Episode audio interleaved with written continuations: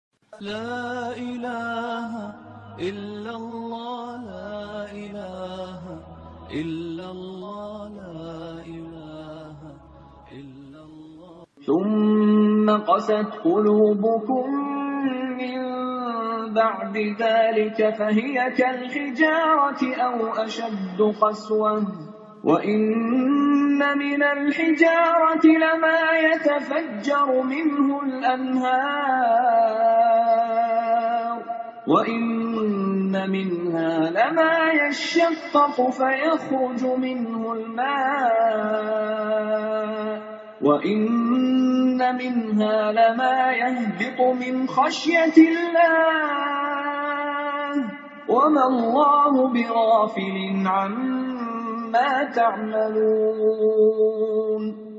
الحمد لله والصلاة والسلام على رسول الله صلى الله عليه وسلم بسم الله الرحمن الرحيم اب نلم ن ترم خطنا هوت ي لبي بسم الله الرحمن الرحيم رب سبحانه وتعالى بقرآن نلل سبات لم نكل مبل ثم قست قلوبكم من بعد لك فهي لارة فهي كالحجارة أو أشد قصوة وإن من الحجارة لما يتفجر منه الأنهار وإن منها لما يشقق فيخرج منه الماء ወኢነ ምንሃ ለማ የህቢጡ ምን ኸሽየቲ ላህ ወመ ላሁ ቢጋፊሊን ዓማ ተዕመሉን ብድሕሪ እዚ ልብኹም ልክዕ ከም ከውሒ ነቐጸ ወይ ውን ካብኡ ዝገድድ ንቕጸት ካብ ከውሕስ እኳ ወሓዚ ይጭንጓዕ ካብኡ ምስ ተጨደደ ማይ ይፍልፍል ብፍርሓት ናይ ረቢ ውን ትሕት ይብል በቲ ትገብርዎ ተግባራትኩም ኩሉ ኣላህ ኣይዝንግዕን ይብል ፍርዲ ናይቶም ልቦም ዝደረቀ እንታይ ምዃኑ ክሕብር እንከሎ ድማ ፈወይሉን ልልቃስየቲ ቁሉብሁም ሚን ዚክሪላህ ኡላኢከ ፊ ዳላሊን ሙቢን ወይል ዝተባህለ ሩባ ናይ ጀሃነም ይብጽሒቶም ነቶም ዚክሪ ረቢ ብምግዳፍ ልቦም ዝደረቀ ንሳቶም ድማ ኣብ ርኡይ ጥፍኣት እዮም ዘለዉ ይብል። ንቕጸት ናይ ርቢ ሓደ ካብቲ ዝኸፍኤ ረቢ ሱብሓነሁ ወተዓላ ንባሮቱ ዝቐጽዓሉ ሜላ እዩ።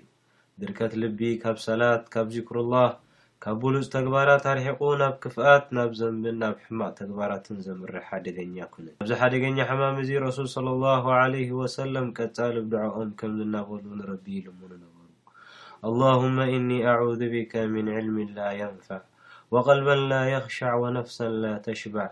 ወዱዓኡን ላ ዩስተጃቡ ለሃ ያ ኣላህ ካብ ዘይጠቕመኒ ፍልጠት ወይ ዕልሚ ካብ ዘይፈርህ ልቢ ካብ ዘይትጸግብ ነብስን ተቐባልነት ካብ ዘይብሎ ዱዓን ኣድሕነኒ ይብሉ ነበሩ በቲ ሓደ ወገን ከኣ ልምሉምነት ወይ ድማ ለስላሰ ናይ ልቢ እቲ ዝተመርጸን ኩሎም እቶም ብሉጻት ዝኾኑ ባሮት ናይ ረቢ ዝጠልብዎን ለይትን መዓልትን ዝሓልምዎን ነገር እዩ ብኣንጻር ናይቲ ድርቀትን ንቕጽናን ናይ ልቢ፣ ልምሉምነት ናይ ልቢ ናብ ኼር ንኽትጓየ ይሕግዝ፣ ግዜኻ፣ ገንዘብካን ጉልበትካን ናብ መንገዲ ረቢ ከተውዕሎ ይደፍኣካ።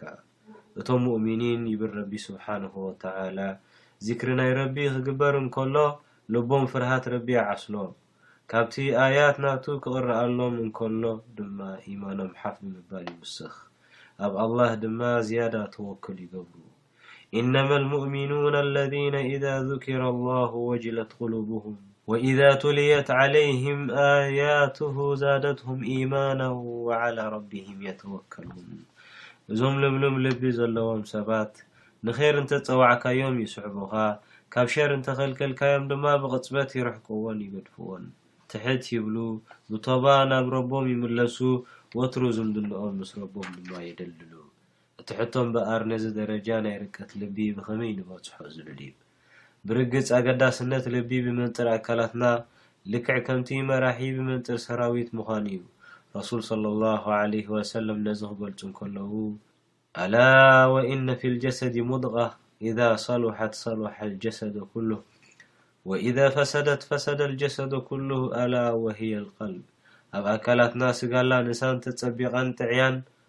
ምሉእ ኣካላትና ይጥዕይ።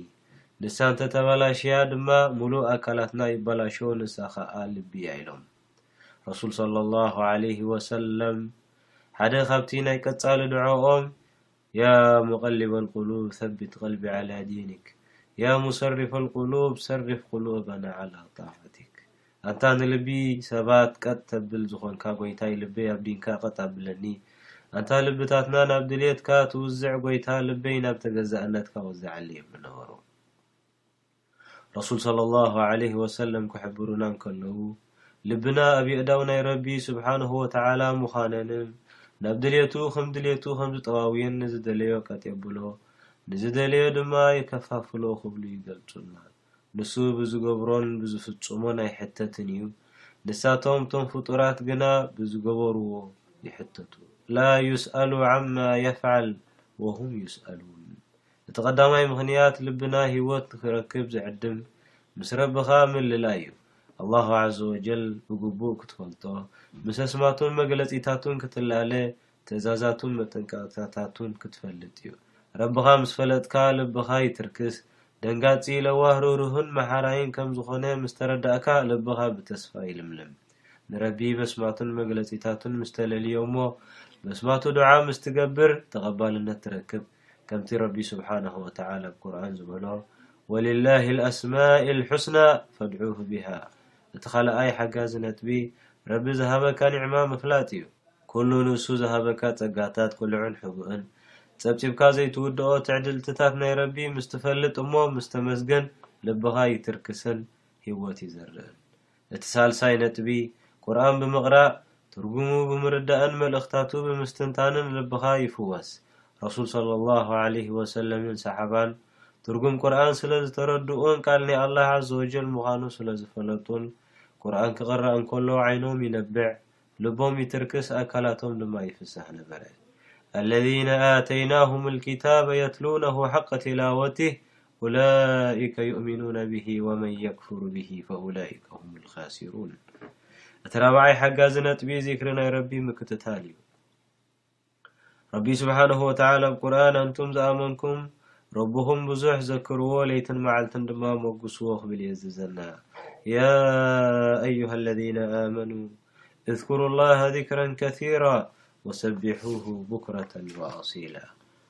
ንጎሆ ክንትስእ እንከለና ኣላሁመ ቢከ ኣስበሕና ወቢከ ነሕያ ወቢከ ነሙት ወኢለይከ ኑሹር ያ ኣላህ ብኣኻ ነምሲ ብኣኻ ነወግሕ ብሰንክኻ ህይወት ንዘርእ ብድሌትካን ብውሳኔኻን ንመውት ናባኻ ድማ ንምለስ ዝብሉ ዱዓታት እዚ ዱዓታት እዚ ብምዝውታር ኩሉ ግዜ ረብና ንዝክር።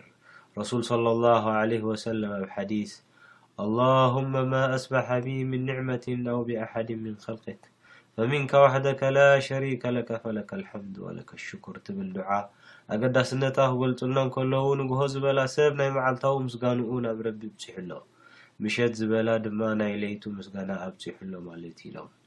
እቲ ሓምሻይ ነጥቢ ንልብና ኣተርኪሱ ዘለምልም ጉዳይ ሕሙም ምብጻሕ ምዉት ምቕባር ናብታ ዓዲ ኩላትና ዝኾነት መቓብር በጺሕካ ምስትንታን እዩ። ናብ ሆስፒታላት እንተ ተንቀሳቒስካ እሞ ሓጺር ዑደት እንተ ጌርካ ነቶም ሕሙማት ምስ ረኣኻ ሓደ ርእሱ ዝሓመመ እቲ ካልእ ከብዱ ዝቕንዞ እቲ ሓደ ክኸይድ ዘይክእል እቲ ካልእ ድማ ካብ ዓራቱ ዘይትስእ ድሉስ ምስ ረኣኻ ኣልሐምዱሊላህ ኢልካ በቲ ረቢ ሂብካ ዘሎ ኣስተብሂልካ ዘይትፈልጥ ኣስተብሂልካሉ ዘይትፈልጥ ናይ ጥዕና ኒዕማ ተመስግን። ብተመሳሳሊ ናብቶም ናይ ኣእምሮ ጸገም ዘለዎም እሞ ኣብ እንዳ ሕሙማት ተዓሺጎም ዝነብሩ፣ ኣእዳዎም ኣእምሮኦም ስሒቶም ሃለዋቶም ዘይፈልጡ ሰባት ምብጻሕ ምስ ትገብር፣ ረቢ ሂብካ ዘሎ እቲ ዝበለጸ ናይ ኣእምሮ ኒዕማ ከተመስግን ዕድል ትረክብ። ብተወሳኺ ነቶም ኣብ ቤት ማእሰርቲ ተዳጒኖም ተሓይሮም ዘለዉ ሰባት ምብጻሕ ምስ ትገብረሎም ዘለኻዮ ናይ ናጽነት ኒዕማ ብልቢ ክትፈልጥን ከተመስግንን ትኽእል። ናብ ቀብሪ ብምኻድ ነቶም ሓደ ጊዘ ብኽልተ የእጋሮም ዝንቀሳቐሱ ዝነበሩ እሞ ሎሚ መሬት ውሒጣቶም ትሕቲ ጉድጓድ ዝኣተዉ ምዉታት ሪኢኻ ተስተንትን ረቢ ሂብካ ዘሎ ናይ ዕድመ ጸጋ ፈሊጥካን ኣመስጊንካን ንቶባ ክትጓየ ከምዘለካ ተስተብህል ረሱል ሰለሏሁ ዓለይሂ ወሰለም ንኣቢ ዘር ዝተባህለ ሰሓቢ ረዲየሏሁ ዓንሁ ያ ኣባ ዘር ቀብሪ ብጻሕ ምኽንያቱ ኣኼራ ከም ዘሎ ከዘክረካ ምእንቲ ምዉታት ድማ ሕጸብ ክብሉ መዓድዎ። እቲ ሻውዓይ ሓጋዚ ነጥቢ ንደቂ ሰባት ጽቡቕ ምግባር፣ ርእሲ ናይ ዘኽታም ምድራዝ፣ ንጡሚም ምዕንጋል ንድኻ ምሕጋዝ፣ ንመስኪን ምድንጋጽን ዝኣመሰሉ ተግባራት ኣብ ነብስኻ ዕግበት ውሽጥኻ ሓጎስ ፈጢሮም ንልብኻ ዘተርክሱ ተግባራት እዮም። ክቡራት ሙእሚኒን ኣሕዋተይ! ሓደ ካብቲ ዝዓበየ ተግባራት ንልብና ተርኪሱ ንልብና ህይወት ዘሪኡ ርግኣት ዝዕድል ተግባር ዱዓ እዩ። ዱዓ ብዱዓ ኣቢልካ ማዕጾ ናይ ረቢ ትኹሕኩሕ። ረቢ ዝቕበለሉ ሰዓታትን ኣጋጣሚታትን ተኸታቲልካ ድማ ዱዓ ብምግባር ሓደ ካብቲ ረሱል ሰለላሁ ዓለይሂ ወሰለም ብቐጻሊ ዝመሃዱና ተግባር እዩ። እቶም ወናኒ ንጹህ ነብሲ ልዙብ መልሓስ ልምሉምን ለዋህን ልቢ ምሉእ ጠባይን በዓል ጽቡቕ ተግባርን ዝኾኑ ነብይና ሙሓመድ ሰለሏሁ ዓለይሂ ወሰለም ኩሉ ግዜ ብመንገዲ ዱዓ ናብ ረቢ ብዝያዳ ይቐርቡ ነበሩ ንሕናኸ ደኣ'ሞ ዱዓ ኣየድልየናንዶ የሕዋተይ ብርግጽ የድልየና እምበር ካብ መንገዲ ረቢ ካብ መንገዲ ረቢ እንተተኣሊና ካብ መንገዲ ረቢ እንተተኣሊና ረቢ ዝኣዘዘና እንተዘይፈጺምና ካብ ዲንና እንተሪሒቕና ኣብ ሓራም እንተተዋፊርና ናብዛ ሓላፊት ኣዱንያ እንተጎይና ብዘይ ጥርጥር ልብና ክደርቕ እዩ ንቕጸት ልቢ ከጋጥመና እዩ ኣብ ልዕሊ ጸልማት ድማ ጸልማት ክዓስለና እዩ። ያ ኣላህ ሰለማዊ ዝኾነ ልቢ ሃበና ካልእ ዘይንጥምተሉ ኢማን ሃበና ዘየቋርጽ ኒዕማ ለግሰልና ኣብቲ ዝለዓለ ጀና ከኣ ምስ ነብይኻ ሙሓመድ ሰለላሁ ዓለይሂ ወሰለም ኣንብረናን ቶባና ተቀበለልና ኣሚን ወሰለላሁ ዓላ ሰይዲና ሙሓመድን ወዓላ ኣሊሂ ወሰሕቢሂ ወሰሊም ወሰላሙ ዓለይኩም ወረሕመቱላሂ ወበረካቱ።